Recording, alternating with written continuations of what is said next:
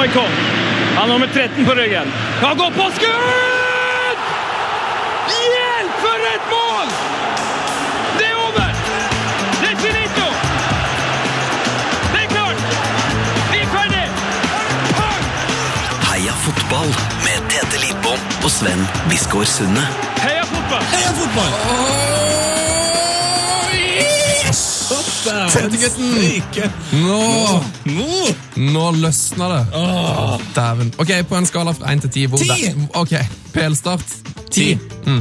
Selv om, selv om den, var, den var litt annerledes. Altså Fram til City spilte mandagskampen sin, så var toppen av den tabellen ganske lystig. Ja, det- Leicester spillemessig topp. gikk det ikke helt som forventa, kanskje. Nei. Men eh, jeg syns det er deilig. Eh, Det viser at eh, Premier League er en veldig eh, uforutsigbar fotballiga. Ja, så er det plass til når også de aller største, største stjernene er litt sånn Største? Største. Største Når de er litt sånn slitne etter Copa America og diverse diverse rundreiser rundt jorda, så finnes det mange andre deilige fotballspillere som får liksom litt uh, spalteplass da, du, i starten av eh, sesongen. Sånn som han Mares på Mares. eh, Leicester, som var den store fantasy-vinneren. Ja, eller Paye. Paye. Eh, Ja, han var god! West han Paye. Steike god. Det var også denne 16 år gamle Reece Oxford. Ja. Hvor mange ganger hadde du hørt om Reece Oxford før du så han spille fotball? Aldri. Nei, altså, jeg, nettopp opplevd, altså, jeg fikk vite at han eh, ble da dumpa eh, av Tottenham. Ja, det er passende. Uh, og etter å ha sett uh, Tottenham-midtbanen uh, etter 20 gode minutter mot United bare klappe sammen, så var det faktisk ganske irriterende å se Tenk på at han var 16-åringen styre Westham-midtbanen som om det var det han hadde gjort hele livet sitt. Og altså, han, fikk, han fikk gult kort liksom etter 5-10 minutter, og bare ga faen. Bare kjørt på. banka på. Jeg har han jo nå på mitt fantasy-lag. Selvfølgelig har du det. Kjøpte han. Jeg blir Du er en alltid, jeg blir alltid dratt med. Ja.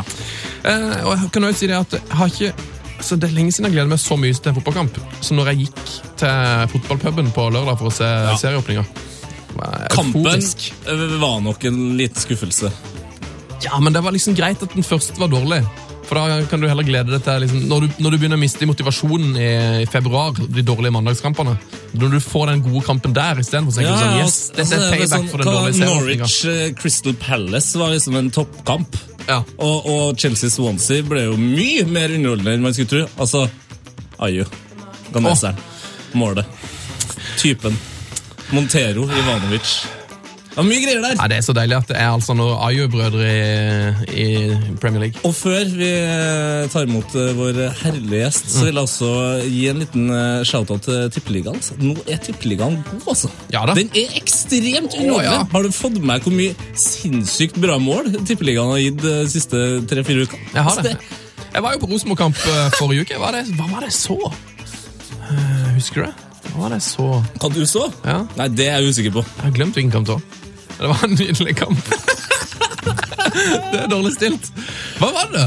Nei, det, altså, det, Jeg vil ikke si det. Altså, Jeg var ikke der. Jeg satt hjemme.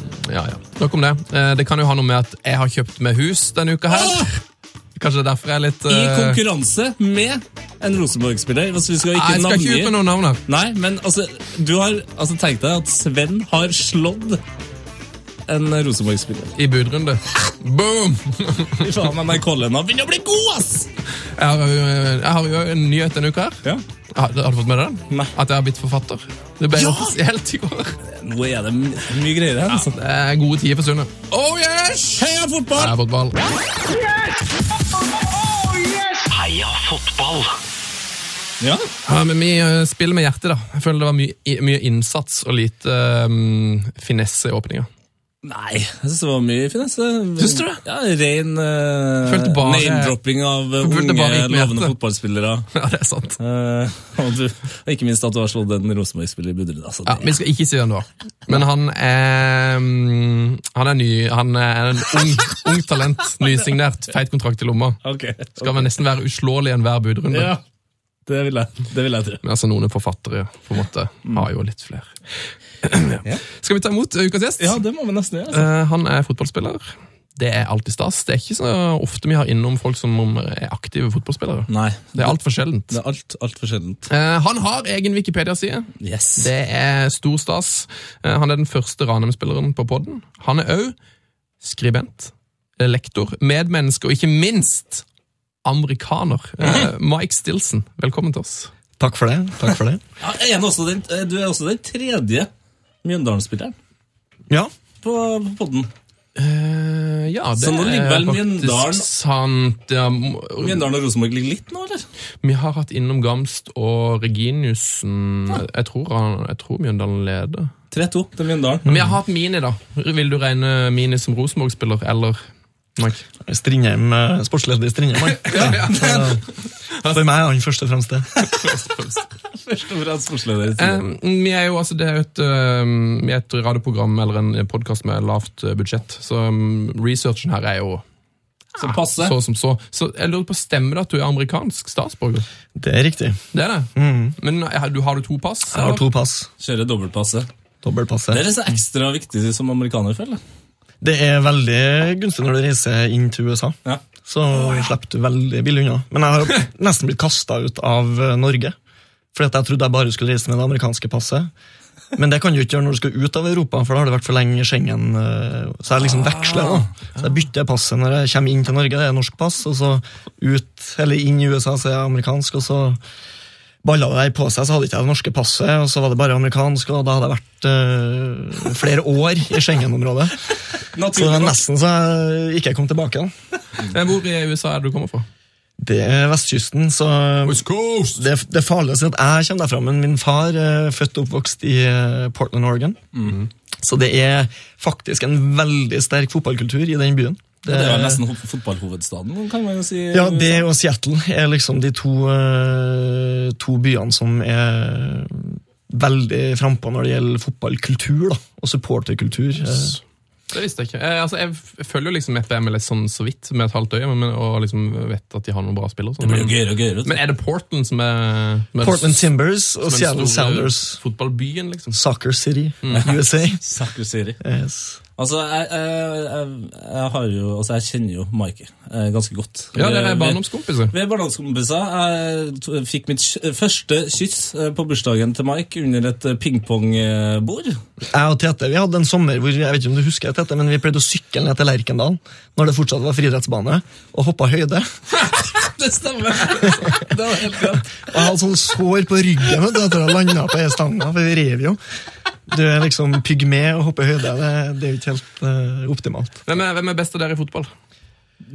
Det er jo Mike, da. Helt åpenbart. Ja, er det det? Du, altså, Mike har jo vært i tippeligaklubb og spilt for Ranheim i mange år og liksom har jo en solid karriere, men du har jo et, et voldsomt ego og har jo hevda at du kunne oh, ja. spilt på Rosenborg. Så nå har vi jo en fagdommer her. Det er jo lenge siden jeg har sett en Tete spill, da. Eh, men jeg husker jo eh, Vi spilte mye sammen i eh, Det er jo ett år imellom oss, men det var litt sånn slått sammen guttelag og sånn her. og Tete var bra, han. Og han var litt sånn eh, Nå kommer det. Det. Nei, Han var litt sånn eh, råtass, da. Litt sånn smågal på banen. Og så var det jo litt sånn her typisk ikke sant, på, på 90-tallet, hvor eh, det var ikke så vanlig å ha en afrikansk spiller på laget. Så han fikk jo et veldig løft av å være Strindheims afrikaner. Og det var altså det, Jeg tror de fleste som har vokst opp sånn i Trondheim da, på 90-tallet, husker liksom at det, hvis det var en som var liksom utenlandsk på laget, så var han alltid best. Så eh, Der har du mitt løft. ja, men Tete var, var bra for all del, og jeg har spilt mye på Løkka, og alt sånt der, og han har ferdigheter. Men det er jo liksom den derre berømte overgangen fra ungdomsskole til videregående, når du må ta valget. Ja. Skal du gidde å trene hardt og forsake helger og kompi... Altså, den derre leksa der.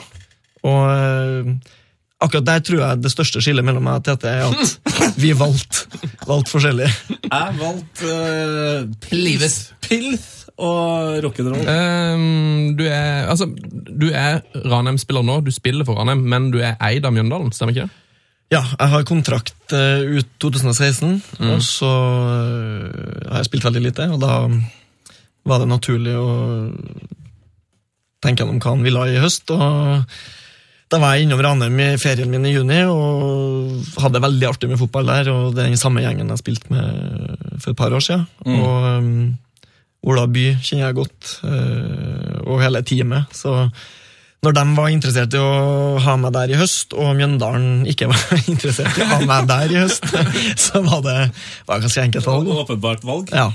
Eh, Mjøndalen er jo um, i hvert fall sånn sett Fra utsida så virker det som en veldig sånn fin klubb og egentlig en litt sånn spesiell klubb. Men du, du som har vært der og som har vært i andre klubber, er det en, er det en klubb som er så annerledes som andre klubber, eller, eller er det litt sånn oppskrytt?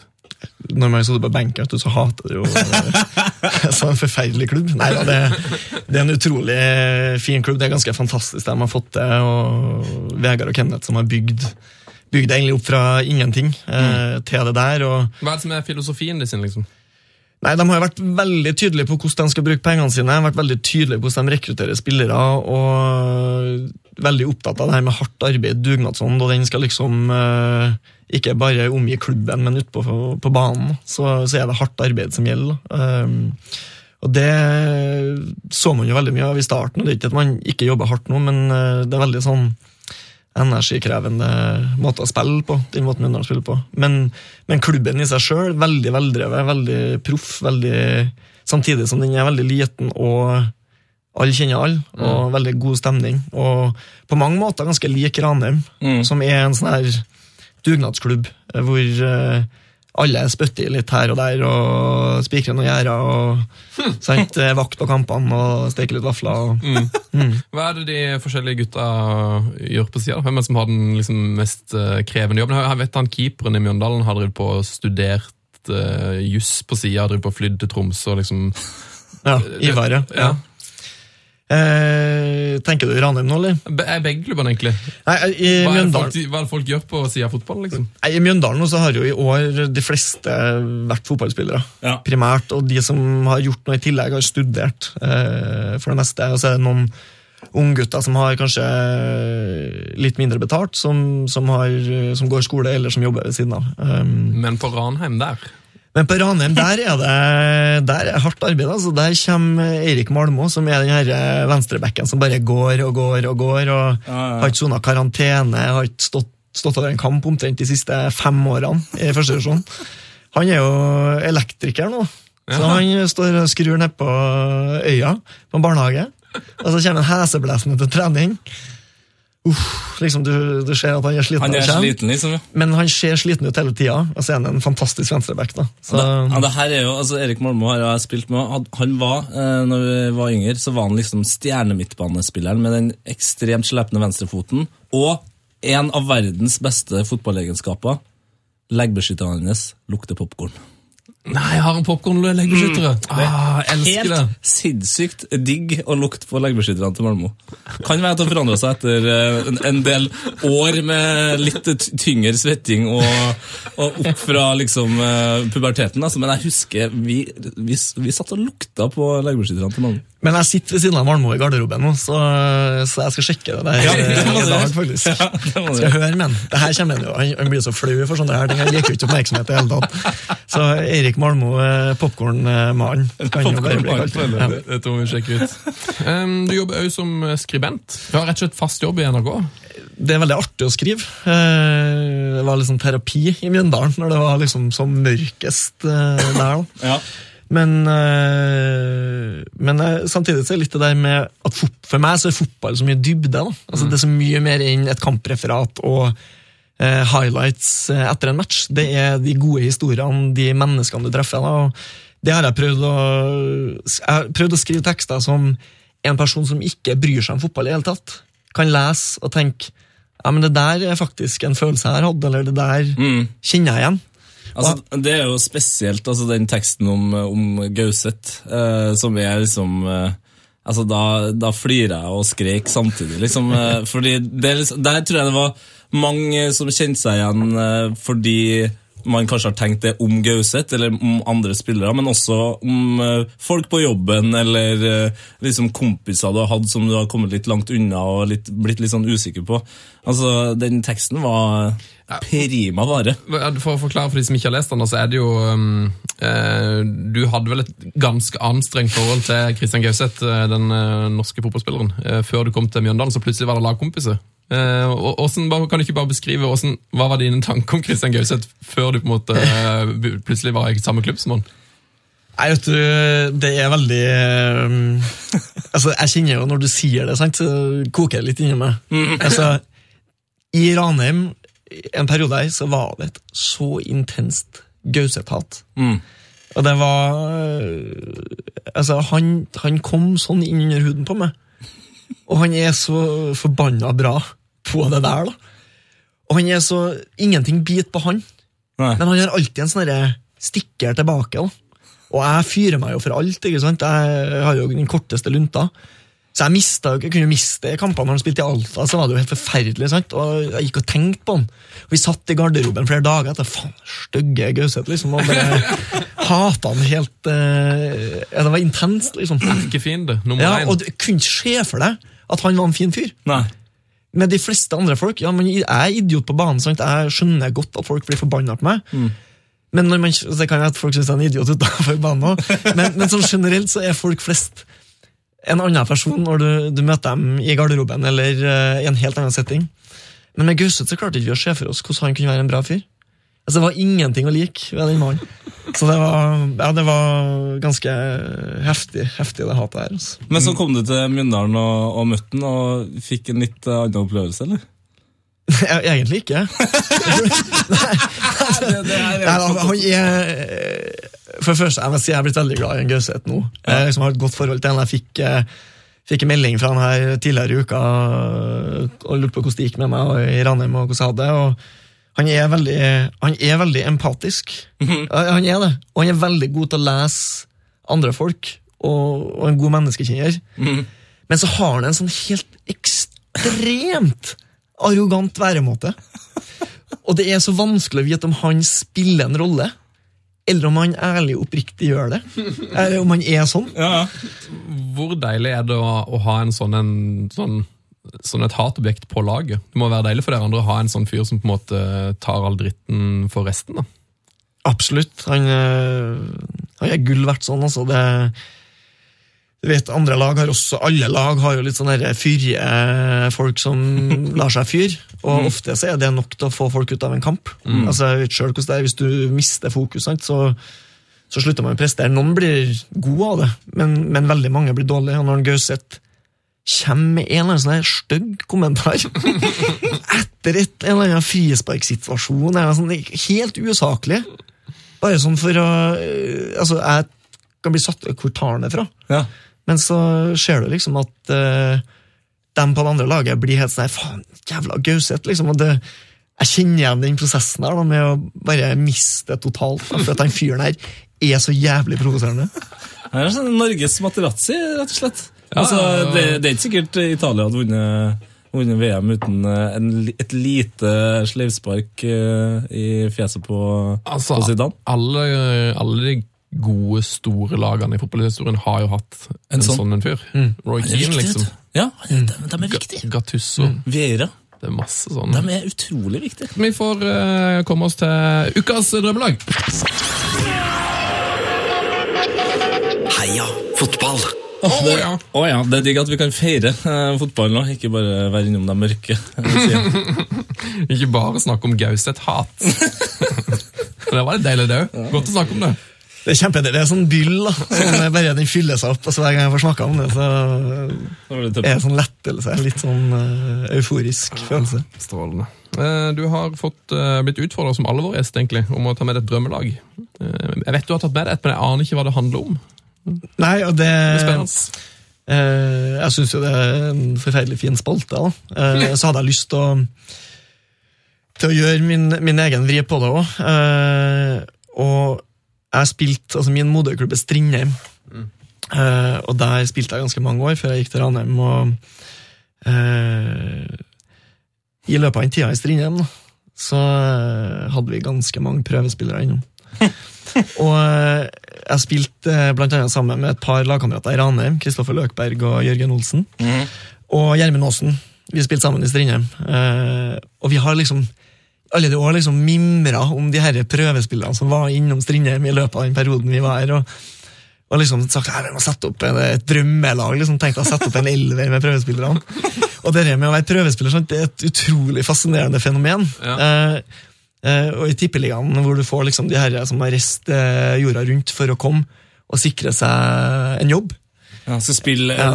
spill på treningsfeltet i en uke. Ja, og det er, det er jo kjempevanskelig. Du er i et miljø, du kjenner ingen, det, du vet ikke hvilke øvelser det er. Du, og du skal være jævlig god for å få kontrakt. Eh, men eh, i Tippeligaen så er det jo ofte sånn at du, du får et visst nivå på prøvespillerne. Men når du kommer ned i andre divisjon, så er det jo liksom Alle og enhver kan melde seg til å være prøvespiller. da. Så når jeg ble utfordra av Tete i går, så tenkte jeg du, jeg skal lage prøvespiller uh, XI. Åh, nydelig! Prøvespiller XI! Eh, og det, det er Jeg har ingenting imot de spillerne her. Det, det, det er Eh, viktig å påpeke. De fleste ikke, var ikke gode fotballspillere på prøvespill, men de kan være fine folk, og det kan være at de har gjort det bra siden på fotballbanen. Eh, såpass respekt skal vi ha for prøvespillets eh, litt sånn mentale utfordringer. Så her burde man egentlig være litt sånn klar til å google for å se om uh... Ja, men jeg har vært nødt til å anonymisere okay. litt. Ja, det så det er mye fornavn her. Også fordi jeg ikke vet hva de heter til etternavn. Altså, det er enkelte som kanskje er lettere å finne ut av hvem er enn andre. Ja. Eh, men jeg kan nevne, nevne liksom eh, en som nesten kommer, som Ja. er en kjent og kjær karakter i Heia Fotball, og det er han Kai Leo oh! Bartalstovu. Har han vært på prøvespill i Strindheim? Nei, han var på prøvespill i Ranheim under Åsmund Bjørkan. Åsmund Bjørkan var herlig trener, men på navn så var han jævlig sær. Så han, Kai Leo han het jo Kai. Han heter jo egentlig noe som er litt mer sånn øh, vanskelig, tror jeg. Kai, jeg gjør det, altså, det, det er litt lenger, da. Men så har han tatt Kai. Eh, Så vidt jeg forsto, da. Og Det er ganske lett navn. Kai. Han sier bare 'kall meg Kai', og alle kalte den for Kai.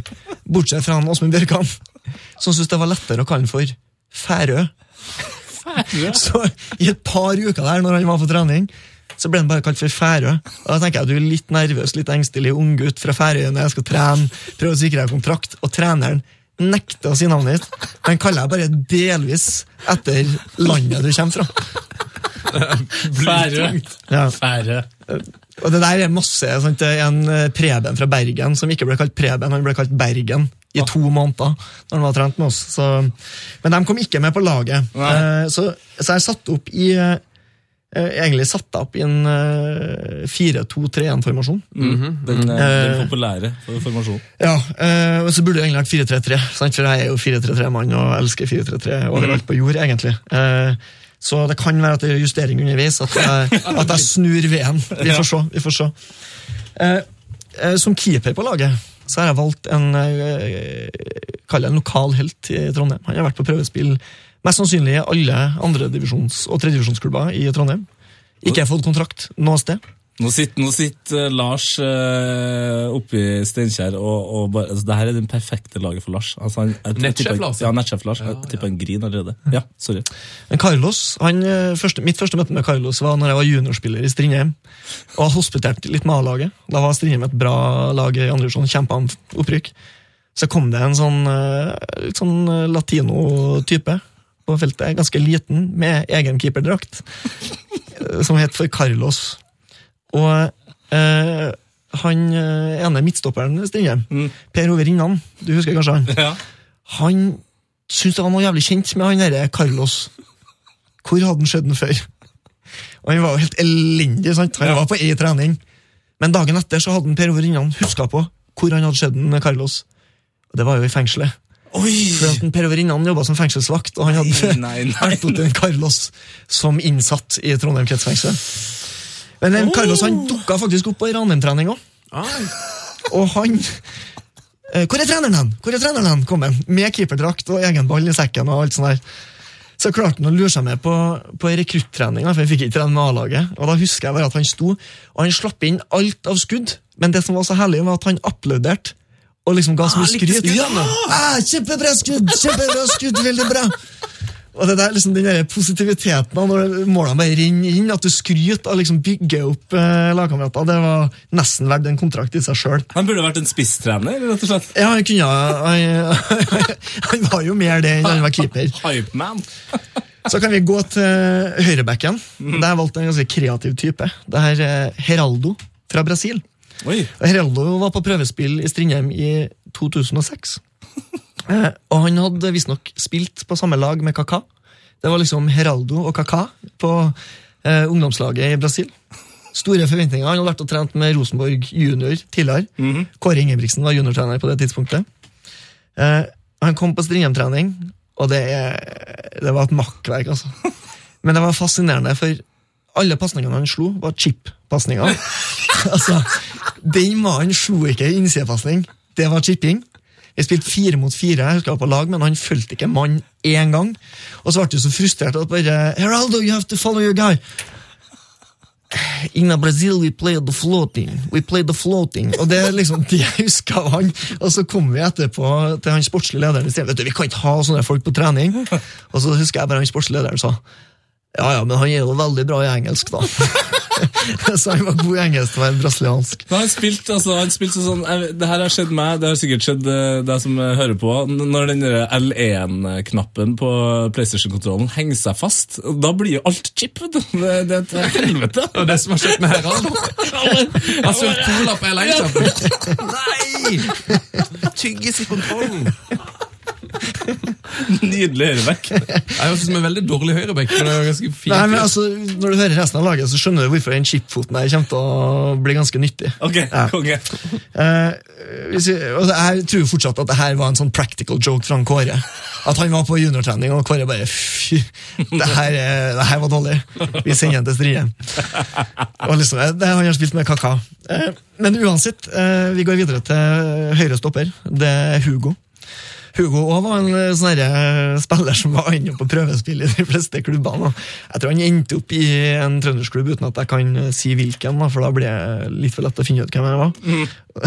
Om ikke det navnet er nok, da. til å finne ut, da. Men han var gammel, han var grå, han var treg, han var ikke spesielt bra, men han hadde en aura over seg. Og han dirigerte og, og, Og prata med ungguttene. Vi hadde et ungt lag i Strindheim, så han Ja. tok ansvar på prøvespillet sitt. Problemet var at han hadde øh, mindre fotballforståelse enn meg. Og til og med jeg klarte å si at de, de beskjedene han ga, var jo helt håpløse. Så på en trening måtte jeg bare skjære. Og da var jeg, jeg var 22, men jeg var eldst på Strindheim liksom, i andre divisjon. Ja. Så måtte jeg bare si til to av de ungguttene som spilte ved siden av. Dere må ikke høre på et ord han her sier. Fordi at det, det, det stemmer ikke. Hva du mener Hva du mener? Og så tror ikke jeg han kom på noen flere treninger etter det der. da. Eh, Men en, en legende. Og hvis du spør eh, folk som har spilt i andredivisjon, tredjedivisjon i Trondheim en del år, om eh, han her, så vet de hvem det er. De vet hvem Hugo er. Åh, Hugo med ørene. Og så er det ofte sånn at eh, når vi kommer, når vi kommer til venstre stopper her, nå, så er det ofte sånn at, eh, at når prøvespillere er innom, så kan man lure på hvorfor er den personen her her? Ja, ja, men altså, er ikke gjort noe research, forarbeid? Altså, Nei. det her er... Men noen ganger så er trenerne helt dønn ærlige, og, og da syns jeg jo litt synd på prøvespillerne, men det gjør det lettere for oss som er fast, da, til å forstå hvorfor vedkommende er. Og, eh, Ken Henry var innom ei Strindheim-trening. Det er noen navn her på prøvespillerne. Det føler jeg at det er liksom den røde tråden. Ja, det kan, det kan fort være, være det som er greia. da. Men Ken Henry han øh, var litt sånn øh, lang, øh, hengslete type som var på Strindheim-trening. Ronald Venås, som du har kjenner til, en gammel Molde-spiller. Som var, jeg, vet, jeg elska Ronald, for han var dønn ærlig og var utrolig kompetent, men han var pess-sur. da. Ja. Og så mø- har vi en liten prat i Abrahallen før i treninga, så sier han Ronald Ja, så har vi med Ken Henry, eh, for vi er litt lite folk i dag, så han får være med her. Så det var liksom et prøvespill som ikke var et prøvespill. Det var bare sånn, ja ok, vi er litt få, du kan bli med, og så blir vi sju mot sju, liksom. Den er, den er sur, altså. Vi er litt lite folk Ute i. Abrahallen, liksom. ja, ja. Ah. Og så Han har sikkert kommet inn liksom med mindset at her skal jeg imponere, her, og så blir han bare drept før økta. Og det, det jeg husker av den økta, var at han hadde et skudd som gikk ut til innkast på andre sida. Så, så det var kanskje greit at han bare fylte opp lagene. Han hadde John O'Shea i skuddbeinet. Å ja. Oh, ja. Veldig bra. Venstreback er en veldig trivelig fyr. Eh, vi kaller han bare for Beinet. Hvis han hører på, så Jeg liker deg veldig godt, Bene, så det her, eh, men, men du skjønner hvorfor du må med her. Fordi Bene han var kjent en annen lagkamerat i, i Strindheim på det tidspunktet, som pleide å sitte på med meg til trening. Så han begynte å sitte på med meg òg. Og så kjørte vi, ja, Bene. Og så kjørte vi fra Lademoen til Myra og eh, trent. Og du så liksom med en gang Det var Jannar. Han, han var for dårlig. Altså, han var ikke bra nok. Det kan godt være at han har vært bra, og at han har blitt bra etter hvert, men der og da så var det ikke noe vits i å ha med. Men han var med. Og han var med lenge. Han var med i to måneder. Og etter hvert ble det sånn her Har vi signert han der, eller er han på prøvespill? Hva er greia her? Sant? Og jeg var, kjører med og kjenner liksom hver ble mer og mer irritert. Nå må vi, vi må jo hente inn noen gode spillere, vi kan ikke ha det her. Vi kan ikke ha beina på venstrebakk. Nei, nei, nei. Og, eh, og så plutselig en dag, da, så, så kom, var han så sen ut fra garderoben når vi skulle hjem. Og så kom han ut og så kunne han fortelle at han hadde en prat med trenerteamet. Og fått beskjed om at han ikke fikk være med videre. Nei. Brutalt, ikke sant? Nei, nei. Inni meg, inni meg så tenkte jeg huh, det var på tide. Men så skulle jeg kjøre den hjem, Nei, og den kjøreturen her var den var vond, for det var litt sånn her eh, Ja, nei, det er synd og dårlig av trenerne at de ikke har gitt deg beskjed, men inni meg liksom så jubla jeg litt og tenkte at det her var jo Bra for alle parter. Ja. Men det som skjedde, da, var jo at han ble jo også en legende i Strindheim-miljøet huska. Fordi at han brukte sånn coachjakke fra treff. Oh, ja. Så folk som var i Strindheim på det tidspunktet, hvis du sier treffjakka, så vet de nøyaktig hvilken spiller mener. Så han har liksom satt et avtrykk i Strindheim-historien. Ja, for, og det er jo på en måte Det er jo øh, Hvis du ikke får spille for en klubb, da. Hvis du er prøvespiller et avtrykk. Ja, hvis du er prøvespiller, du som hører på nå. Hvis du er prøvespiller og ikke får Husk på i det minste. Gjør noe. Ja, ja. Sett et avtrykk. Gå med, treff, gå med treffjakka. Ja, chip alle pasninger. Men, men eh, det var litt pinlig, for noen år senere på lærerskolen så havna jeg i klasse med en som var god kompis med beinet. Og jeg er, sånn, jeg er ganske ærlig på det der. Så jeg, han spurte ja, kompis av meg som var trent med dere en vinter. og ja, Så ble det for mye for noe sats. Det var noe sånn, eh, som ikke stemte med virkeligheten. Og da sa jeg ja, nei, men han var jo ikke bra nok. Og så var jeg ganske kritisk til, til prøvespillet. Og ei uke senere, jeg tror det var en lørdagskveld, noe sånt så ble jeg oppringt av beinet. Og det her var liksom tre-fire år etter det prøvespillet. Og så eh, sier jeg bare Hei, Mike. Eh, Jeg hører at du slakter prøvespillet mitt i Strindheim. Og det var altså, det var ganske vondt. Men så måtte jeg liksom ha en sånn saklig samtale med han at ja, men vet du, jeg syns ikke du var bra nok, og ditt og datta, Og det var litt sånn smertefullt, men eh, jeg sto inn for det jeg sa. og eh, jeg syns det var en riktig avgjørelse da, og det var en riktig avgjørelse i retrospekt. Midtbanen. Eh, midtbanen, da. De to eh, sittende hadde jeg egentlig tenkt, men jeg tenker vi snur. Vi, nei, vi har faktisk eh, to sittende. Vi kjører to mm. sittende, ikke det, tissende. det første er, er Ulrik. Ull, To tissende midtbanespillere. Vi kjører to tissende midtbanespillere. Rekdal er jo én, vet du. Han har tissa i midtbanesykkelen. Petter Beltz fikk ha tissa på To sittende. Men vi skal Nei, tissende. Vi skal ha to sittende, heldigvis. Ja. ja, nei, eh, eh, første av de to defensive. Og jeg har jo plassert den her, fordi at, og det handler om den tilbakemeldinga han fikk etter prøvespillet sitt. Eh, Ulrik var på prøvespill også, i Strindheim, og var med og var ikke noe kjempe, trivelig fyr, men ikke noe veldig god fotballspiller. da. Og så skulle han få beskjed av assistenttreneren Strindheim på et tidspunkt som var litt sånn sosial kløne. Også. Og det er jo alltid vanskelig, liksom, hvordan vrak altså, ja. En barmhjertig måte å vrake. altså Jeg skjønner den problematikken der. Så han, han, han hadde jo funnet en litt sånn skånsom måte som ikke ble så skånsom. Eh, For han gikk, gikk bort etter trening, og så prata han, og så sto vi rundt, og vi hørte jo hva han sa. Så sa han ja, nei, tenk litt og blitt enige om at eh, du ikke har det som skal til defensivt.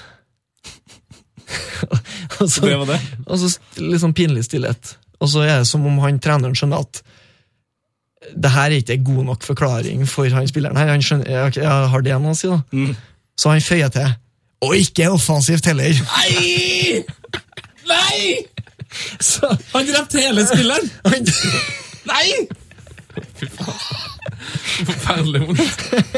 Du, du er sånn passe sideveis. Det er på en måte det, det jeg kan gi så, deg. så tanken bak å ha han på defensiv midtbane er jo at han har jo et forsvar bak seg, og så trenger han ikke å være så veldig involvert offensivt.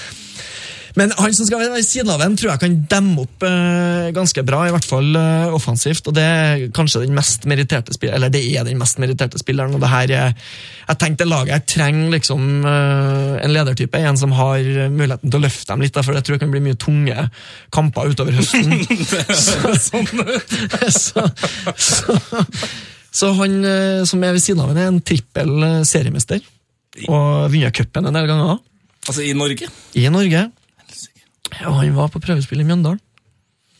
Og det var Magne Hoseth. Det var Magne, ja, selvfølgelig! Og Magne, jeg synes jo det er helt eh, altså det er så interessant at Magne Hoseth var på prøvespill i Mjøndalen. Eh, og nå skal jeg si at eh, Nå i vinter? Nei, nå i Nei, sommer. det var i det var i Det er to-tre uker siden. Og vel, eh, altså Magne Hoseth, eh, moldenser, som trønder, så har man jo hatt litt sånn Men jeg, jeg liker han, altså. Jeg syns Ja. han er litt sånn her eh, ærlig, herlig, artig type. Altså Husker jeg vi møtte Molde i cupen med Strindheim et år, og da var det, var det en sånn Strindheim-supporter, en av de tre på tribunen, som ropte etter spissen vår når han jakta Magne Hoseth på et sånn returløp.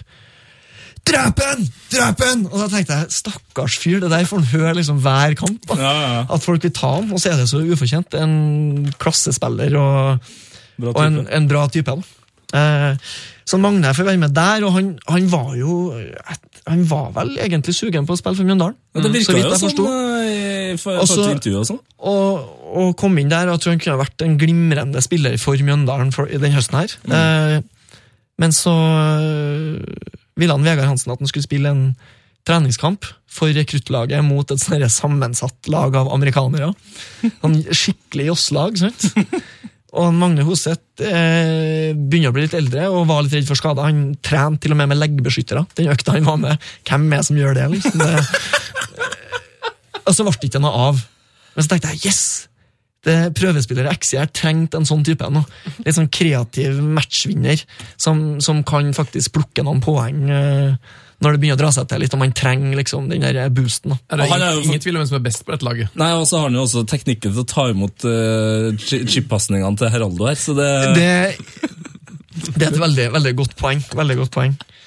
Eh, Så, så kommer vi til en eh, spiller eh, på høyre kant som dukka opp på ei Ranheim-treningen vinter. Eh, han var svensk, og det var noe kjent med han. Jeg husker ikke hva han heter, men alle vi som var på trening, tenkte hva er det der har vi sett før? Hvor har vi sett han der før? Og så kom vi på faen, han var jo fly, altså sånn purser på en sånn fly, flytur vi hadde hatt med Ranheim. På tur. Altså Han var flyvert. Han jobba i SAS. Han jobba i SAS! og plutselig var han på Ranheim-trening. Og det som skjedde var at Daglig leder i Ranheim på det tidspunktet, Brynjar Aune, som nå er Scania Cup-general En Brynjar Aune hadde invitert han til å komme på, for han var jo fotballspiller, så han kunne komme på Ranheim-økt. Via den flyturen, da, eller? Via den flyturen. Så han ble bare kjent som svensken fra Gardermoen. Ja. Og så, og så, og så husker jeg han var så dårlig! Altså, han, og det, han, her kan jeg slakte, fordi, fordi han er totalt anonymisert. Ja. Han var dårlig. Men jeg husker han hadde ett mål, og det var en sånn et inn, ganske høyt innlegg. Og så øh, skrått fra 16-meteren med høyra på hel volley. Limt den i motsatt nettvegg. Sånn Helt fantastisk. liksom. Ja. Men han hadde vært så dårlig før det der, så til tross for det syke målet, så fikk han beskjed av uh, Åsmund Bjørkan at han fikk ikke være med på den siste omgangen med spill på treninga. helsike! Min teori er at Brynjar Aune, daglig leder i en ganske fattig klubb som Ranheim, tenkte han her har sikkert noen sånne rabattavtaler med SAS. Ja, så når vi ja. bestiller turer til bortekampene, så kan vi bruke noen sånne ansatte Poeng, fordeler. Sånn at, sånn at vi sparer inn liksom reisekostnader. Og liksom han satsa alt på det, men det var, øh, var selv ikke det var Han var for dårlig. Han var for dårlig. Å, herre min. Og så, så har vi Svensken på Gardermoen. Så har vi eh, kommet til hengespissen, Ja. som er Rino. Rino. Rino. Og Rino han hadde skutt 1000 skudd med far sin. Han var en atlet, han var gjennomtrent, Ja. og det var nok til å være en fotballspiller på høyt nivå. Mente han, da? Både far og sønn mente det. Okay. Og Rino han, vart, han var med i Strindheim faktisk, og skulle være med på en rekruttkamp. Mhm. borte mot Alvdal eller Tynset. På den rekruttkampen til bussturen så møtte han opp med to ting. Og det var Det ene var et helt kneippbrød. og det andre var en latinsk bibel. Oh my lord. Og den, det kneippbrødet, det var ikke noe pålegg. Den var ikke skåret opp i brødmaskina. Den var hel. Ja. Da satt han og leste den latinske bibelen mens han spiste kneippbrødet. Ble med til Alvdalen. Kom inn siste Det er lang, det er lang busstur! Det er en lang busstur Fire, fire for å få et uh, tominutters innhopp helt uh, på Nei. Men eh, jeg håper jo at han fikk noe ut av eh, den latinske bibelen. Det kan være. Men Rino måtte med, for jeg tenker Tusen skudd der, ligger og vaker litt i mellomrommet, returrom, og så kommer det et litt sånn nedfallsfrukt, og så bare fyrer. Så det kan bli noen, det kan bli noen kremmerhus. Eh, atlet, jobber bra defensivt, så, så det er tanken bak Rino inn i den rollen der. Og god tro, Men ikke minst. hvordan, kom det, på- hvordan kom det fram dette med disse, disse tusen skuddene? Var det noe de snakka mye om at han hadde Det var en far som var litt involvert i, i styre og stell i, i Strindheim. Promotering av eh, sønnen, rett og slett. Ja, så det var, det var litt sånn der, eh, nepotisme, som er ordet her. da. Så, så uten at vi trenger å gå i dybden på det. Men uh, det, var, det var spennende tider Ja. i Strindheim. Eh, på venstre kant han er, Vi vet ikke navnet på han, men han er bare kjent som råneren. yes! En råner fra Nord-Trøndelag. Ah, Og han råneren her, han var, altså, han var så råner at han hadde på seg capsen ut på feltet. nei, men i alle dager! Men det var så bra! Fordi han, det han huskes for, da, sant, han, hadde, han var helt elendig. Ja. Men han satte sitt stempel på Strindheim, fordi han var med i firkant. Tysker. Og det var to touch. Det er liksom vanlig, sant? enten én touch eller to touch. Det var to touch i firkanten i Strindheim. Og han råneren her, han øh, Han hadde, sånn, han hadde lært seg den Ronaldinho-finta. Ja. Innside utside. Ja, ja, ja. Men han hadde ikke lært den så godt, så det ble alltid to touch. Så det som skjedde, var at han fikk ballen, han Ja. dempa den, Et touch. et touch, og så kjørte han inn innsida, og så vrengte han den ved utsida. Tre touch. Inn i midten. og det der gjorde han hver gang. Uansett. Det var sånn Det var alt han kunne. Og da skulle han vise fram det han kunne. Så han er kjent for å være Ronaldinho i firkanten.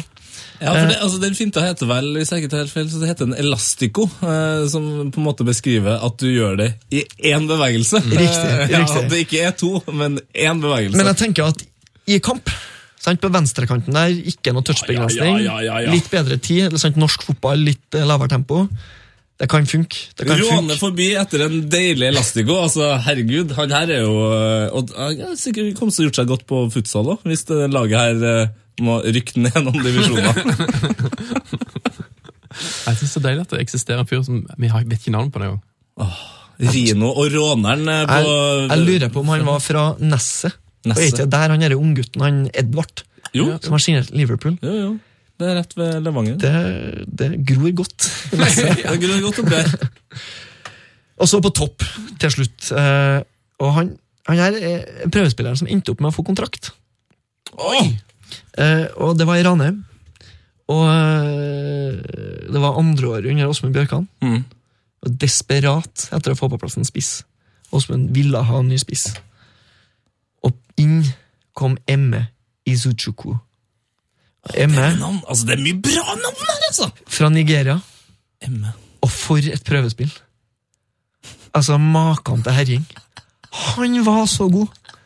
Han var så god at Åsmund, hele treninga, sto og sa 'great effort', 'great effort'. At vi i en periode trodde at han het for 'great effort'.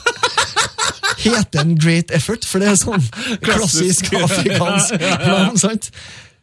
Het, hva heter Er det 'great effort' han heter? Og så toppa det prøvespillet seg med at han fikk være med på en eh, treningskamp mot Molde. Ole Gunnar Solskjær sitt Molde, sant? som vant seriemesterskapet. De herja.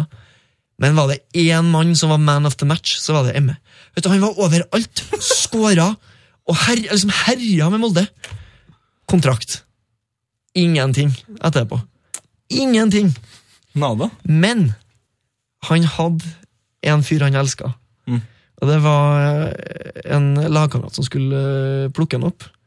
Kjørte han til trening, og diskuterte vi ja, hva gjør det liksom. Nei, Han gjorde ingenting på dagene, så litt serie. Ja, Hvilken serie du ser, da?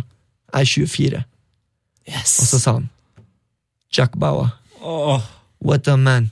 It is amazing what that man can do. Ha en Jack Bauer-fan på topp, selvfølgelig!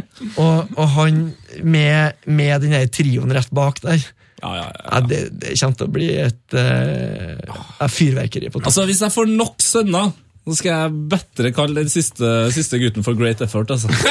Det, fy fader, det er greit navn! Great Effort. Det var det, det, det her var jo elleve forferdelige prøvespill. Eh, Nei, nei, nei. jeg, lurer- på Det er ti forferdelige. Men jeg lurer på, det mange som ikke kom med? Det er, det er mange som Jeg satt i går og rådførte meg med Løkberg, Jørgen Olsen og Gjermund Aasen var også via Jørgen Olsen med på, på her, og de var veldig sånn Jeg hadde jo han Rino på defensiv midt først. Og de bare, nei, Du må flytte Rino opp i mellomrommet, der, sant? så han får brukt de skuddferdighetene sine. Ulrik inn på def. Det var en finsk prøvespiller i, i Strindheim som hadde spilt uh, i toppserien der og fikk alt utstyret på første økta. Sko til og med fikk han. Og så var det ei økt han var med på, og så så vi han aldri mer.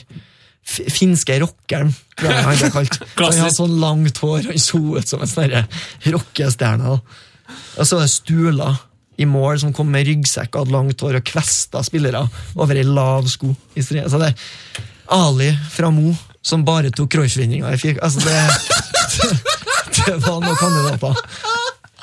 Ja, det her er mye nydelige spillere. Altså, jeg, jeg skal bruke store deler av den fredagen der på å prøve å finne Heraldo. altså Finne noen YouTube-klipp av Heraldo der han chipper seg gjennom en kamp. Ja, nydelig drømmelag. Steinkjer, Steinkjer, Steinkjer. Det er ingen som vi, som fotballag som vi. Gå nå på, så skal vi slå. Ingen kan slå SFK. Velkommen til breddefotballspalten her i Heia Fotball. Altså, Den breddefotballspalten den, eh, den ligger brakk nå, altså! Den gjør det. Nettsjef Lars er på ferie, og hvor tror du han er?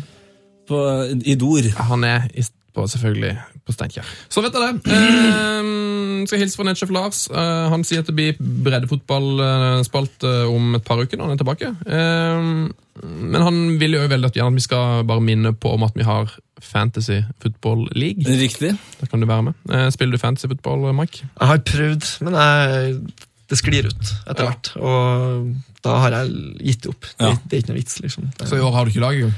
Har ikke lag, jeg, det, jeg begynner ikke å starte, fordi Gidder ikke? Det ble for mye. Nei, altså det, jeg, jeg, jeg klarer ikke å følge opp, og da ligger det bare brakk fra midten av september og ut, og da Det er ikke the American way å starte på noe som du vet ikke blir fulgt opp. ja, det, Det er amerikanere det der som ikke vil Ja, ja. Går du inn, så går du all in! Ja. Ja. Altså, men altså, De siste årene så har jeg sakte, men sikkert uh, begynt å bli en uh, aktiv uh, fantasyspiller. Og i år så har jeg liksom vært er megaforberedt. Hadde en ok start. Jeg føler jeg har liksom oversikt. Og jeg liksom, i år så går jeg all in. I år så må venner, familie, kjæreste av og til bare være stille. Vike. Når jeg, altså nå, altså Dama mi er litt sånn Sitter du med det laget igjen nå? Altså, sånn, ja. Kan du, kan du tjene penger på det? Så sånn, nei. Nei, hvorfor Jo, du må bare Du må bare skjønne det. Status. Hvis du vil ha med i vår uh, fantasyliga, så ligger altså koden uh, på vår Facebook-side. Ja, Der er den der. P3 P3 Ja, I header-bildet så står hele koden. Ja. Uh, veldig hyggelig hvis dere vil være med. Steinkjer, Steinkjer, Steinkjer. Det er ingen som vil sånn fotballag som vi. Gå nå på, så skal vi slå.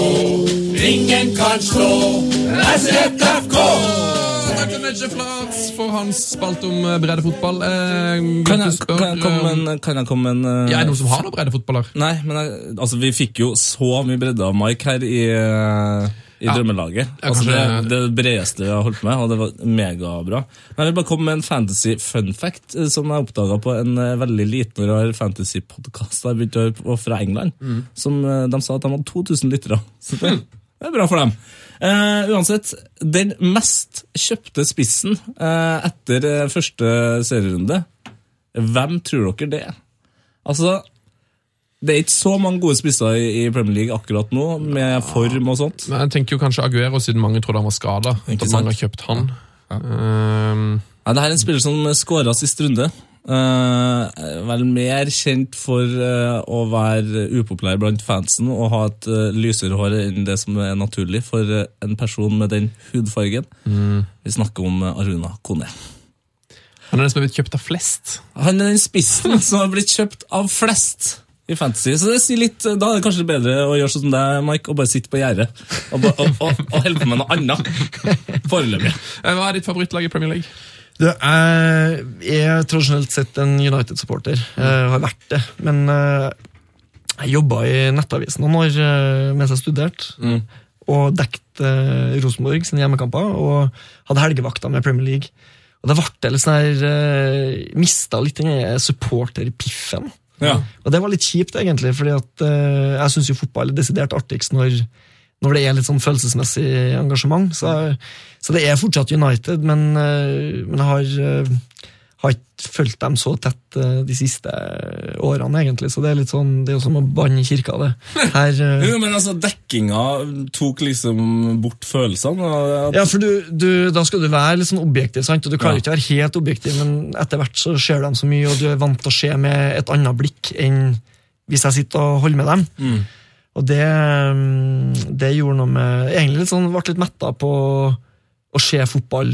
Så det er veldig sånn rart å tenke på. Ja. Fordi, mm, men øh, jeg håper jo, jeg håper jo liksom at United skal gjøre det bra, men jeg, jeg er mer sånn øh, på norsk fotball og og, og mer gleder meg over å se fotball generelt nå. Så den er supporter eh, Men hva, altså, var det sånn som i går, da når Rosenborg høvla over Mjøndalen? eh, Var du da liksom eh, mest glad som eh, RBK-gutt, eller ble du litt sånn trist på Mjøndal-veggene? Jeg synes det, det var kjipt å, å se på guttene. Sant? Jeg vet hvor tungt det er når man bare blir meid over. Det var, så jo bra ut første, første kvarteret. Da var det liksom Håp. Ja. Ja, det var, Men det var jo fordi Rosenborg hadde sola i, i. Så det, det var jævlig kjipt. Det er Ja. sånn her ja, faen, Vi har bra første kvarteret, og Rosenborg bare, vi så ingenting det første kvarteret. Så den er jo litt kjedelig, kjedelig å få etterpå. Men, Når eh, lav sol var din beste spiller? Nei, men, men det skal sies altså at jeg har veldig sansen for det som har skjedd i Rosenborg. Jeg var, var jo junior der ett år, under Kåre Ingebrigtsen. Mm. og Kåre var faktisk, Det var jo Strindheim han starta trenerkarrieren sin. Hvor vi hadde en ellevill høst med en Kåre. sant? Så når jeg ser Rosenborg, så tenker jeg det starta på Myra, liksom. På den eh, Flomlyskampene med rekruttlaget i tredjedel der. For da var vi så forbanna bra. sånn at Vi slo Vi toppa den Var du med da, eller? Ja, jeg tror faktisk det var året etter jeg slutta. Ja, for vi ble kretsmestere. Og vi slo juniorlaget til Rosenborg. Med Per, med Tetti, med alle dem der. Vi slo dem 4-2 i finalen. Det var helt vilt. Kåre Ingebrigtsen. Men hva, Og nå er liksom eh, ringen slutta. men hva er det med, med Kåre? Hvorfor, eh, altså, hva er det med han tror du som har gjort Rosenborg så god nå? Det, det der er alltid mange faktorer. Vanskelig å si når man ikke har vært der. så- Men man hører jo hva de sier sjøl. Ja. Og dem, for det første har de lagt vekt på fotballglede. Og det tror jeg sånn, det er nøkkelen i alt. Hvis du skal ha utvikling, så må du ha spillere som har lyst til å komme og bli gode, og som har det artig. Eh, Så tror jeg han har vært veldig bevisst på hvilke typer han har. Og så er en Kåre fantastisk god på 4-3-3. Og Det husker jeg når jeg hadde den i Strindheim. Jeg husker når jeg hadde den i Rosenborg òg. Det tydelige oppgaver, liksom. Veldig tydelig. Og han, altså, han kjenner, altså, og når du har vært indreløper i over et tiår under Nils Arne Eggen, så kan du 4-3-3. For indreløperen er jo hjertet i den 4-3-3-en. Så når du ser Mike Jensen som herjer Midtsjø, som er så forbanna god det, Ja, altså, altså Midtsjø nå, han, vært, han er jo bare 22 år. Det er liksom lett å glemme. eh, Og har vært et talent eh, lenge, men nå ser han jo altså ut som full fullblods Han er klar for landslaget snart, altså, hvis han skal spille eh, sånn her. Eh, og så er det det jeg liker med å Kåre nå, det er liksom han er, han er gøy på intervju. Han er veldig sånn lett og ledig. Og hvis det skal være noe sånn trøbbel, hvis eh, journalisten prøver å sette den i et eh, litt sånn dårlig lys, eller laget i dårlig lys, så bare ler han det bort. Altså, Han er veldig god på å forsvare spillerne og sånt med litt humor. Og det tror, jeg, det tror jeg er veldig viktig. Jeg leste intervjuet med han i, var vel i Aftenposten eller Adresse, eller hvor det var, eh, hvor han sa det at han hadde aldri lært noe av trenere som hadde kjefta på han. De som la hånda rundt skuldra på det, som han hadde likt. Er, er det litt sånn at han liksom er en sånn litt sånn sni, kjører den snille stilen? Han er litt sånn kompistype, og veld, veldig lett i humøret. Jeg husker var på jetturneringa på Hamar når jeg var, var ganske fersk i, fersk i Rosenborg der. og jeg, kom, jeg husker vi, vi gjorde det så jævlig dårlig. Vi vant junior-NM samme året, men uh, akkurat den jetturneringa var helt katastrofe. Og vi hadde uh, spilt uavgjort eller tapt første kampen, og det var så forbanna varmt. og jeg husker jeg ble dårlig etter den kampen, da. så jeg var, fikk sånn eh, Heteslag. heteslag. og så Dagen etter skulle vi spille mot Kongsvinger. Liksom Rosenborg mot Kongsvinger sitt juniorlag. Det bør jo være rått parti. Men Jeg husker jeg drev og varma opp, og så lå vi under, og jeg hissa meg på hverandre dommeren. og bare når jeg ble bytta inn, så var jeg liksom helt dehydrert fra før av og pissforbanna på dommeren og for bare som et lemen utpå her og kjefta. Og Trond Henriksen, som var hovedtrener for juniorlaget, han klikka på meg etterpå. Var, vi tapte 4-1 eller noe sånt her, og ble rundspilt, og jeg var helt elendig. Og han var liksom full rett til å skille meg ut. Men jeg husker jeg etterpå så kom en Kåre innom hotellrommet, og da la han den armen rundt meg og liksom sa ikke tenk på det, det sånn som skjer. Han, den medmenneskelige biten tror jeg er viktig. Men jeg tror også, som han sier i intervjuet, jeg lurer på om det var det samme intervjuet, at han, en fotballtrener får sparken til slutt. Altså, det, det er det det ender med for stort sett alle. Og du prøver bare å utsette den dagen. Men jeg tror han sa han har fått sparken for å være for snill. Ja. Og jeg tror det der er sånn det er, Fotballtrenere er helt prisgitt resultatene. Ja. Og nå er det helt gull å være snill, men den dagen de eventuelt møter motgang, så Ja, for snill. ja, og det mekanismene der er kjempesnålt. Hvordan kan du være Gud den ene dagen, og så er du ræva et halvt år senere? Eh, apropos eh, David De Gea, gud i Manchester United. Eh, han, nå vil han ikke spille for klubben lenger. Og, Nei. Van Gaal vil ikke at han skal spille for klubben lenger. Full skjærings. Um, Er det avgjort? Altså, men så er det jo en tredjepart her, Real Madrid, som eh, da har kjempelyst på den, men eh, tydeligvis ikke vil gå opp det lille de må i pris. Er det bare for å liksom Nå har, nå har de jo fått det de har villa. Nå, treneren vil ikke at han skal spille, spilleren vil ikke spille. Da kanskje han går for eh, mindre, da.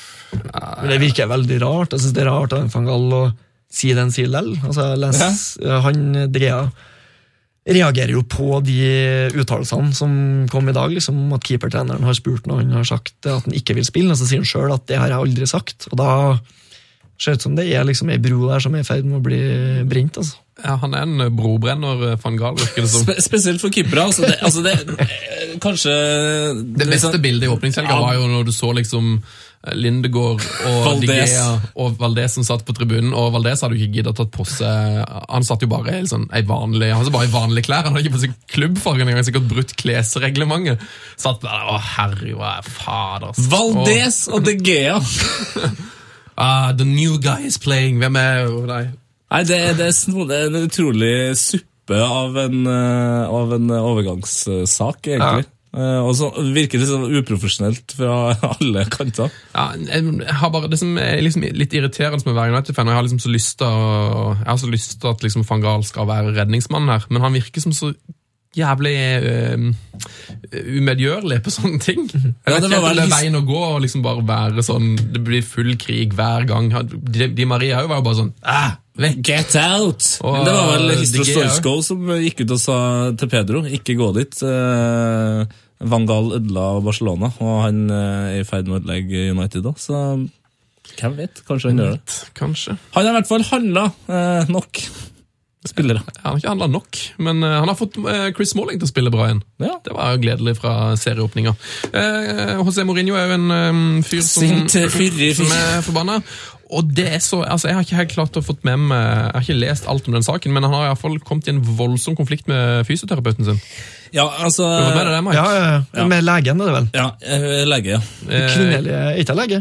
Jo Hun er lege. ja, Hun er dok doktor Eva. Ikke? Doktor Eva. Uh, hun, hun var så uh, dumsnill uh, at hun løp ut på banen, det var vel i overtid, og skulle reparere en Azard, Hazard, tenker jeg. Og det, altså, det klikker jo for Marino der, for han mener da at da må jo Hazard av banen. Da er han plutselig to spillere mindre enn Swansea, og eh, Hazard må være ut liksom i et halvt minutt. da. Og det mener Mourinho ikke bare var liksom trøblete, men mener også at det ga, ga fra dem seieren. Altså Han mener at hvis han, Hazard hadde vært på banen et halvt minutt til, så hadde han skåra. Men, men det som, er, som jeg også har lest nå, er jo at Mourinho er jo sjøl ansvarlig for at det har blitt veldig sånn at leger sitter på benken, at det er helsepersonell veldig tett på kampene. fordi På grunn av Check sin skade. Ja. Og det var jævla mye opp, det var noen som hadde skrevet en artikkel om det i går. og, og at han nå liksom er, viser sant? At han, øh, han har skapt det her, og så nå er det plutselig helt feil. Og så ser jeg han blir hylla fordi han fjerner fokus fra den elendige prestasjonen. Det, så jeg kjøper ikke den. Nei, og det er litt sånn eh, det, det, det er noen ting med fotballen som er fascinerende, og det er når sånne som eh, Eva, da, for eksempel, som blir større enn den rollen hun egentlig har, selvfølgelig for at hun er dame og ser bra ut, men også liksom Hun har vært en, hun har vært en profil, da. Eh, og, så, og da blir det sånn når hun blir pælma ut, da, som er liksom en lege Ingen som bryr seg om legene til andre klubber. Så er, blir fansen liksom sint på Mourinho. da. Han har liksom fått fansen mot seg. Og Det er ganske utrolig at det var sånn Mourinho skulle få eh, fansen i Chelsea mot seg. Det, ja, det, det, det hadde ikke jeg kommet til å tippe før eh, sesongen. Nei. Men det som er meg mest, egentlig, at liksom, jeg tror jo at det er veldig mange I en fotballklubb så er det mye sterke personligheter, det er mye kjefting og sånn. Jeg tror sånn, sånne ting som det her, altså ikke akkurat en sånn sak, men at folk krangler som faen på ei trening og sånn, det tror jeg skjer hele tida. Men det er så rart at det, det her havner i pressen, da. Men det er så merkelig at det Men han at det- var ganske forbanna i det intervjuet etter kampslutt. Ja, ja, og la ingenting over. imellom. Og det er jo sånn store Mange av de store managerne skal jo kontrollere absolutt alt. Ja. Og det er jo en av grunnene til at de lykkes, fordi at de er helt sånn detaljfokusert. Og uten sammenligning for øvrig. sant? Jeg husker Åsmund Bjørkan i Ranheim. Helt supernøye på hvordan ting ble formulert på hjemmesida. Mm. Å ja. For du skulle ikke gi motstanderen noe gratis.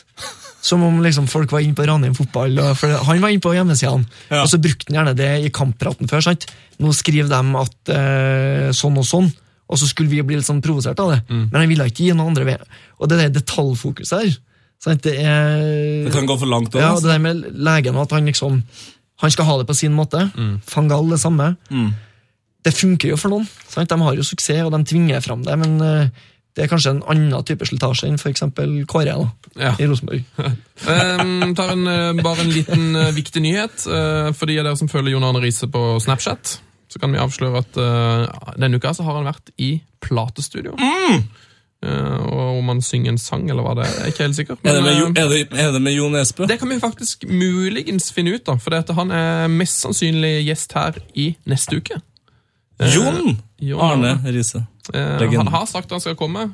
Vi får håpe han på det. det er, han er en busy, busy mann. Ja, no, i hvert fall når han skal i platestudio. Så herregud. Ikke sant? Har du spørsmål til Riise neste uke, send gjerne inn uh, til oss. Vår e-post er heiafotballkrøllalfa.nrk.no.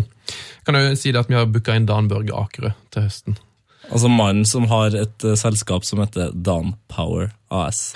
Eh, vi tar med den siste nyheten fra uka. Eh, Maro Balotelli har hatt bursdag. Oh yes! Det feirer det. Han eh, kan å feire seg sjøl. Ja, La ut en nydelig video på sin Instagram. Han Eh, venter ikke sånn som Jaja gjør. Han bare fikser det sjæl. Bare sprayer ned med Champagne. champagne. det er herlig. Og nå har jeg altså faktisk akkurat lest at uh, grunnen til at uh, Mario Balotelli da ikke drar fra Liverpool uh, as per now, er da at han avslår alle tilbud av lojalitet til Liverpool. Ah, konge! Tenk det, da! men Konge! vi vet hvorfor. Ja, du kan si det. Nei, det var en spøk. ja.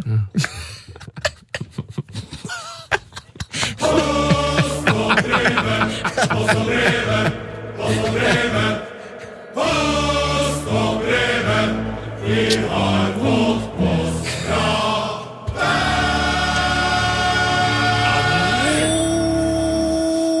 er det god stemning her. Nå er det Nå er det god stemning boys. Eh, Post og brevet, spalten der du der hjemme kan eh, opplyse oss om ting, eller spørre oss om ting. Eh, og jeg har fått et et Ranheim-brev denne uka, som jeg tenkte det er jo fint å stille til Mike når han er her. Eh, Hei! Jeg har en kompis fra kjellerstua her, skriver Torse og Kjetil. Kompis fra kjellerstua. Hvor mange kompiser har du nede i kjellerstua? La dem få luft. Det sier ikke brev noe om, Nei. men han skriver, jeg leser opp det han skriver. Hei, jeg har en kompis fra kjellerstua her. Vi ser Ranheim Sogndal i opptak, Ja, Det er interessant. og ble nyss sittende og se litt på pauseunderholdninga derfra. Eh, Underholdninga var filmet litt ut av fokus, eh, og uten en aktiv kameramann. Da kunne vi høre en meget engasjert stadionspeaker som kommenterte en plastikkboblefotballkamp, som var underholdning i pausen, altså, eh, mellom to lokale bedrifter. Spikerens stemme føltes veldig ung, viril og ungdommelig, og vi ble sittende og undre oss. Hva har skjedd med Terje Walter? Komponisten av Rarararararararararheim, med over 1000 matcher i spikerbeltet. Holder fotballen evig ung som spikerpistol, der han fyrer av sin munnrappe mitraljøse? Eller har nye, nye krefter overtatt? Spør da altså Torsi og Kjetil fra Kjellerstua. Mike, gi oss svaret. Har Ranheim fått ny spiker? Det her er for det første et veldig godt spørsmål. sant? Ehm, nei, Terje Walter lever i beste velgående. Ja, Han er ikke død. i hvert fall. Nei, Det I hvert fall så vet jeg at han, eh, han la meg til som venn på Facebook her eh, tidligere i sommer. Så han, altså, han er aktiv òg. Han er aktiv. Terje Walter er jo hyttenabo med Willy Nelson. Hei! Det er jo bare sånn fun fact. Men i hæ? Ja, han har hytte i Texas. Han men, ja, men det eh, Jeg skal ikke snakke om Det er en helt det. egen det, faktisk. Fordi eh, Terje Walter er fortsatt spiker Ja. på Ranheim-kampene. Eh, men han som kommenterer i pausen, er en eh, ung fyr eh, engasjert i Ranheim som heter Fredrik Eriksen. og jeg tror han er Hei, Fredrik! Heia fotball, Fredrik. han er trener for uh, gutte-slash-juniorlaget i- Ranheim, og han skrev også en periode for uh, hjemmesida, og han står bak uh, et av, eh, jeg vil si, topp tre uh, titler på et nyhetsoppslag på Ranheims hjemmeside. Oi. Og det var etter en eh, 2-2-kamp mot Strømmen for eh, tre-fire år siden. Eh, hvor uh, han var med og skulle skrive kampreferatet. Og jeg husker den tittelen bare etsa seg fast, for jeg synes det var helt fantastisk. Den var veldig lang veldig innholdsrik, og den var Ufortjent 2-2-resultat ga bare ett poeng. Yes! Info, infooverskrift. Det eneste som har toppa den overskrifta her, er når uh, vår andre eminente hjemmesideskribent, Kenneth Iversen, Hei, Kenneth! Heia fotball, Kenneth. intervjua Are Tronseth når han kom fra Tippeligaen til Ranheim og skulle løfte Ranheim. Uh, Spennende ble på vinteren der, og Uh, han begynte jo på sånn kjørelærerskole, Are. Skulle ja. tenke på livet etter fotballkarrieren. Og overskrifta da, når han kom tilbake til Ranheim, hardtsatsende Ranheim, var 'Drømmen er å bli kjøreskolelærer'.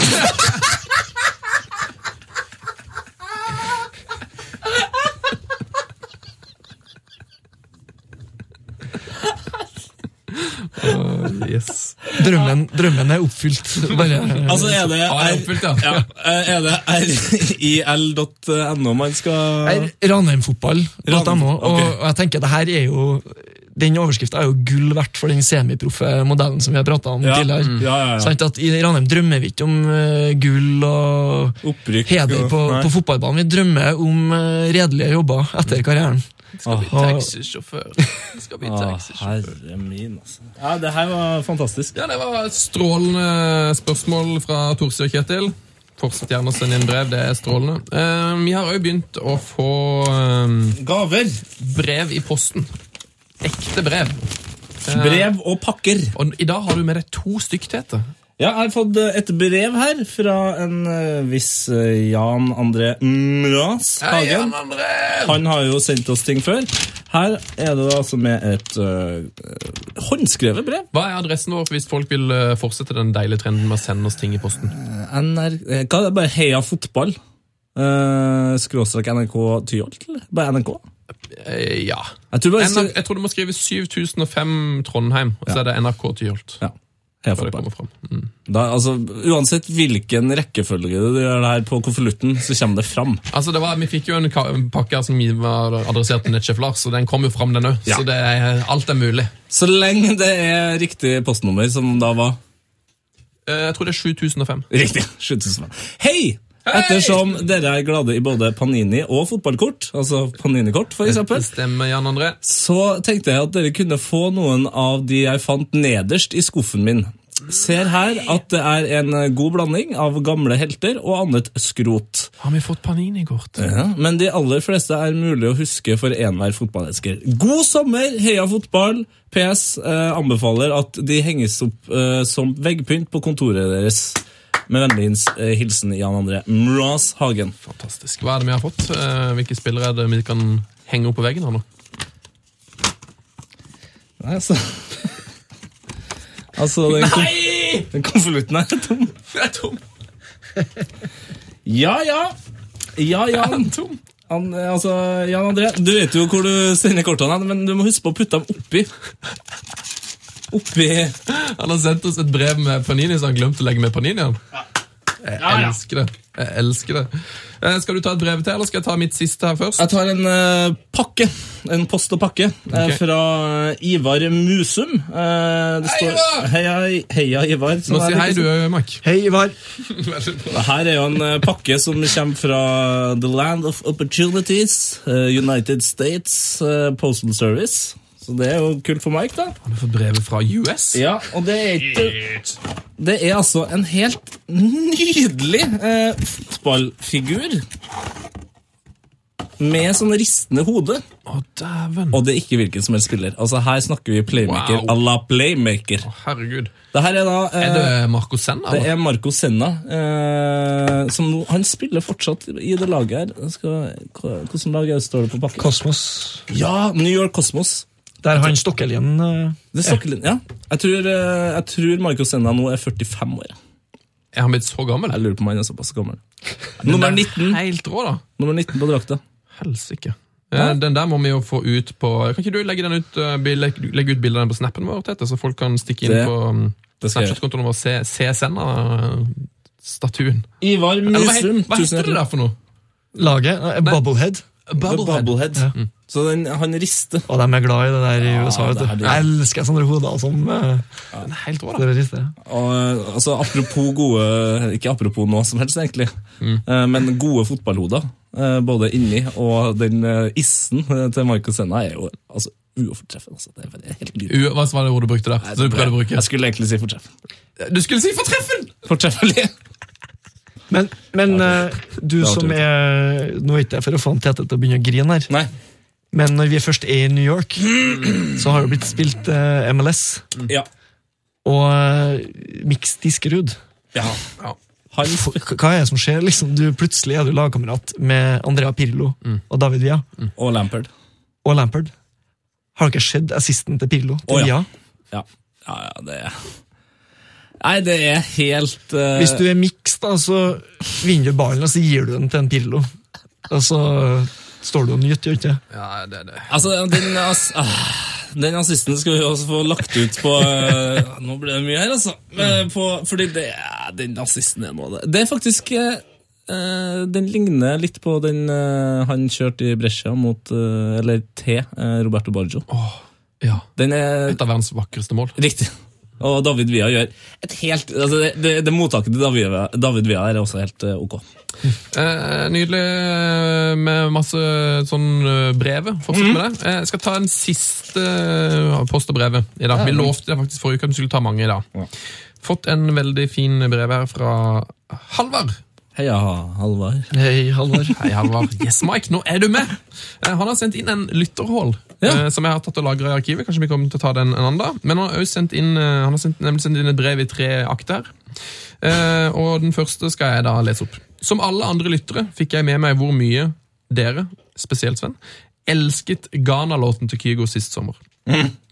Jeg har funnet en uh, ny uh, låt, men denne gangen er det ikke Ghana som blir nevnt.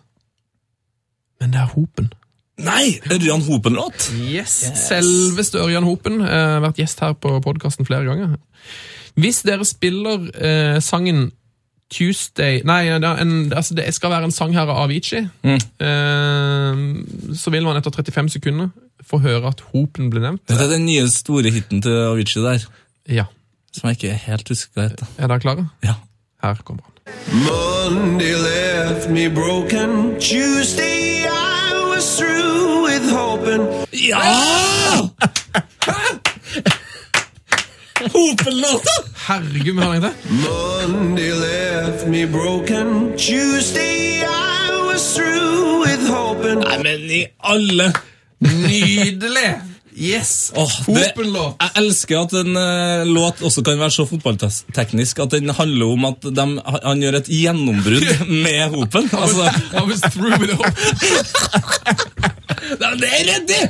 Monday left me broken. Tuesday I was through with På gjennombrudd! Nei, det er gøy. P3s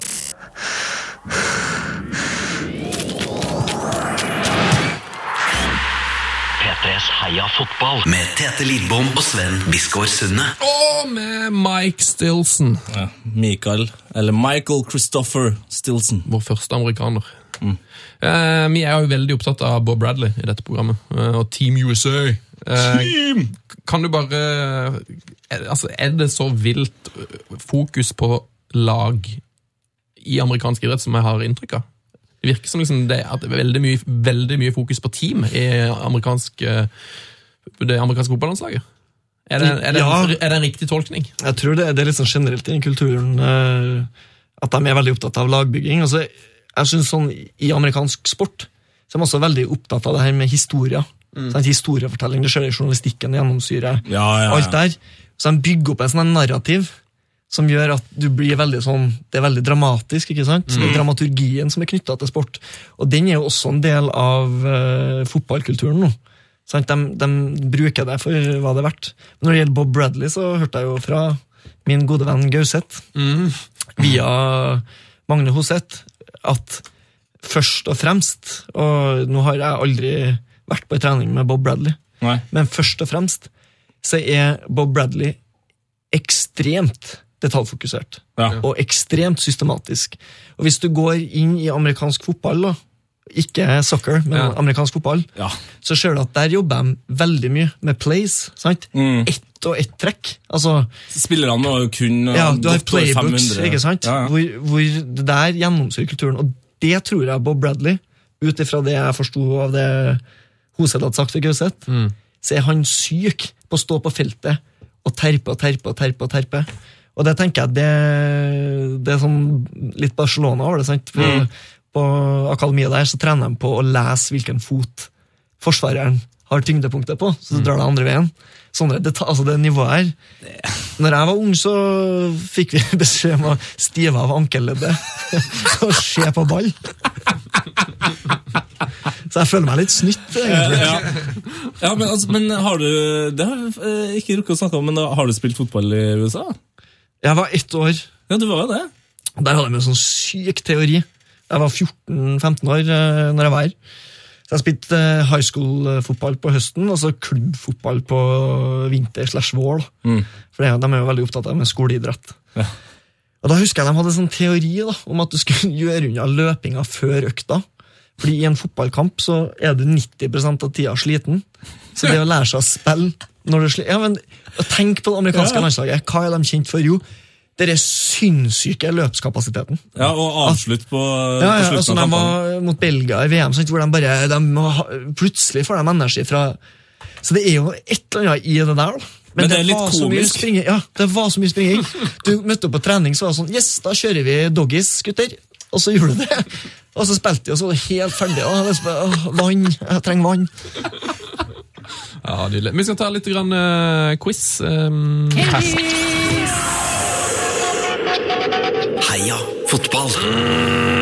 Ja, uh, vår quiz heter Gjett karrieren. Uh, det er stort sett jeg som står for den. Den lever på Instagram. Og ja, du skal gjette karrieren til en spiller via å se noen noe lag, noen klubber. Eh, det er jo en veldig kjent fotballspiller fra Norge som heter Tore André Flo. Men vi skal altså til Tore André Dalum. Ah, Aka Totto Dalum. Totto, ja. Oh, yes. Eh, og Chris Aron, ja, han heter Chris bindestrek Aron. Eh, det er helt nydelig. Eh, Furuberg, han har svart riktig. Så han eh, får en eh, Heia fotballskjorte i eh, The Mail. Så rått! Eh, du der hjemme kan altså være med på neste ukes quiz. Den finner du på Instagram. Da heter vi P3 Heia fotball.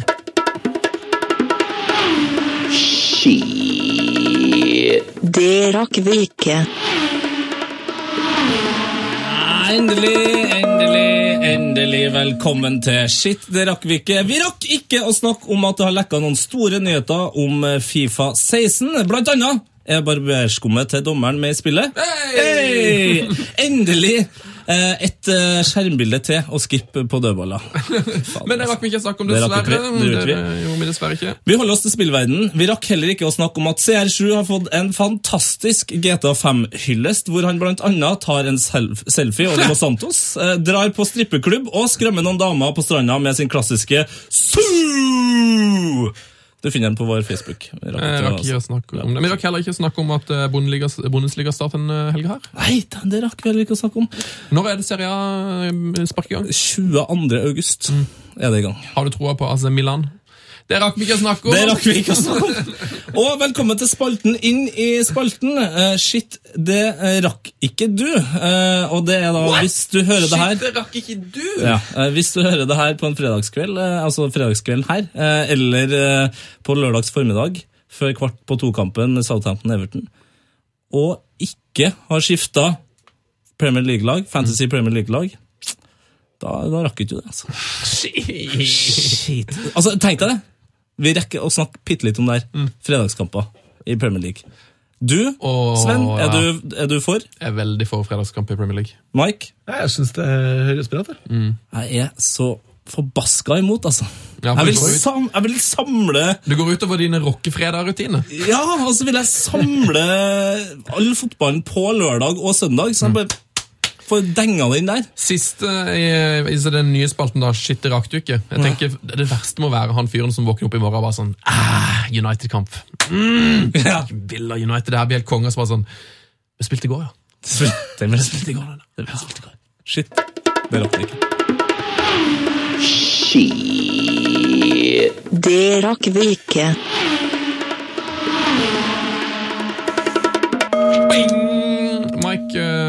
Føler du at det er noe fra uka vi ikke rakk å snakke om, som du, har, som du føler burde vært snakka om her? Nei, det, jeg syns det dekket opp ganske bra. Jeg, har jo snakka veldig mye. Ja. Så- Ja, det er Føler du har fått snakket deg nydelig. Ja, nei, jeg har mye mer å komme med, men, øh, men jeg skal ikke ta det nå.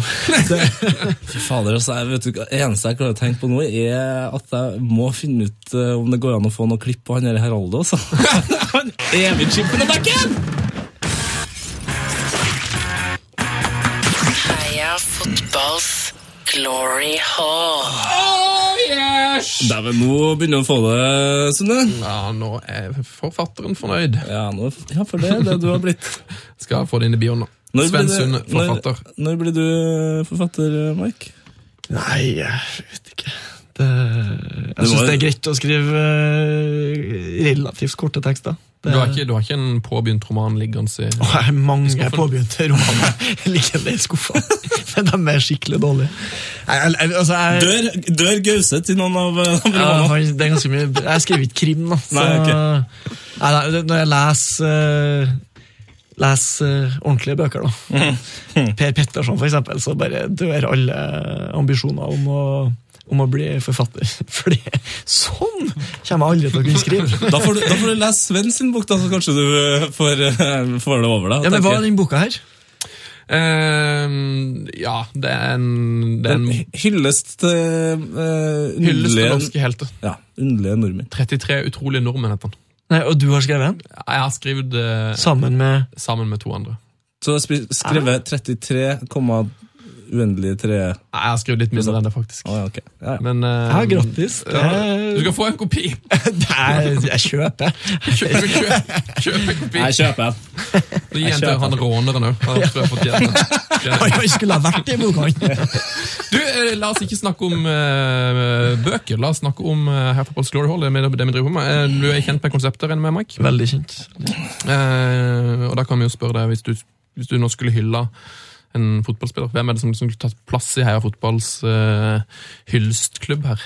Som skulle hoppa opp i hullet? Jeg syns det er en spiller som spilte i Strindheim, som jeg tror du kommer til å huske at heter er Petter Heimstad. Petter Heimstad, ja. Hermstad. Ja, skjønner jeg. Ja, Pet- Petter Heimstad. Eh, Petter Heimstad skulle ha fått plass i Glory Hall. Det er så mange bra der fra før av. og han skal få plass i Glory Hall fordi når Jan Gunnar Solli kom til Rosenborg høsten 2003, han ble matchvinner i cupfinalen, sånn så ble han også tatt ut på landslaget. Men han spilte ikke så mye fast for Rosenborg. Han var innbytter den høsten. Så han spilte eh, andrelagskamper. Og på dette tidspunktet var Strindheim så forbanna bra i andredivisjon. Så Rosenborg 2, med nylige eh, landslagsuttatte Jan Gunnar Solli, kom til det slitte kunstgressdekket på Myra. Og de ble kjørt over. Og så husker jeg denne kampen her toppa seg da, med at en Petter Heimstad, sånn liten leken eh, indreløper, da, som eh, driblefant, hadde ballen eh, rundt midtsirkelen. Jan Gunnar Solli i press. Tuttis. Petter Heimstad henter ballen på andre sida. Jan Gunnar Solli snur seg for å jobbe hjem. Petter Heimstad tutter den tilbake. Å, ja da! Og da var han akkurat tatt ut på landslaget. Altså, så, fader, det er Glory så Hall, han det var, Ja, det var jo en glory hole, egentlig. Ja. Ja. Eh, Dobbel tuttis eh, Var kampen filma? Jeg tviler jeg på. Det var litt for tidlig for, eh, for breddefilming. Ja, jeg tror, jeg tror fortsatt ikke de filmer Strindheim 2-kamper. Å, jo, jo, jo, Nei, det breddefilming. Det var Strindheim eh, først, sitt første lag. Ja. Første Å ja, laget. det var, ja, ja, ja, nei, det var Rosenborg, Rosenborg, tror jeg. Ja. ja. Ja, de filmer det vel kanskje òg. Ja. Petter Herm, Hermstad. Men vet med i vår eh, Glory Hall, etterpå? Skal jeg si Baffistuta, eller? Det er greit å få sagt det. Eh, Cafu er der. Ka Å, Kafu, ja. ja! Ronaldinho er selvfølgelig. Eh, Zlatanovic er der. Zlatanovic. Eh, Arild Berg. best. Besteforeldrene til Flo-treet. Eh, Siggen Rushfeldt, Lloyd Lislevan. En av mine favoritter, eh, Stefan Guivers. Eh, og nå er det klart for en uh, ny helt. Det er du som har fått uh, oh, i dag, Tettefar. Ja, jeg har uh, Jeg uh, har gått eh, litt eh, dypt i dag. Ganger deep. Ja, uh, men det er, en, eh, det er en eh, litt mørk, men veldig fin, eh, tror jeg, eh, Glory Hall, eh, og en spiller som eh, er litt overraskende. Så det er bare å kjøre musikk. Premier League er i gang. Tippeligaen leverer underholdning på høyere nivå enn på lenge. Du har kommet i gang med FPL-laget ditt, og det søder meg ikke lenge til Bundesliga, Primera, Primera Divisjon, Serie A og CL. Og! Og Segundalage. Det er nå det er lett å tenke at fotball er alt her i verden. Det er nå det er lett å tenke at Mahares, Paillet og Reece Oxford er dine nye helter. Og det er nå det er lett for oss i EA Fotball å smelle inn en av de gamle legendene inn i Glorion, basert på et langt og deilig fotballiv. Heltene som i sommer har forlatt Europa for å avslutte karrieren sin med MLS-ball. Men alt er ikke lett her i verden, og fotball er ikke alt. Ikke engang i august. Og derfor er ikke dagens gloryholder heller den mest åpenbare frem til du skjønner hvilken bragd han gjorde sist helg, har gjort i sommer og kommer til å gjøre gjennom hele sesongen. For livet, for døden, for fotballen, for sine nærmeste og for fansen, for seg sjøl. Dagens helt ble født 18.11.1989 i den engelske byen Tamworth. Han har ikke spilt en eneste landskamp. Han er usedvanlig lik Ashavin. Han har ikke verdens beste, men er en over gjennomsnittet interessant høyrefot. Han spiller på Leicester og overkom sist helg en grusom tragedie med bravur. Ett mål og to assist. For fredag den 26. juni mista Mark Albrighton noen nær seg i det fryktelige terrorangrepet på det som frem til den nådeløse junidagen var en fredelig strand i Tunisia. Mora og stefaren til Albrightons kjæreste Chloé mista begge livet i det avsky avskyelige attentatet. Fotball kunne ikke ha føltes veldig meningsfullt for Mark tidlig i sommer.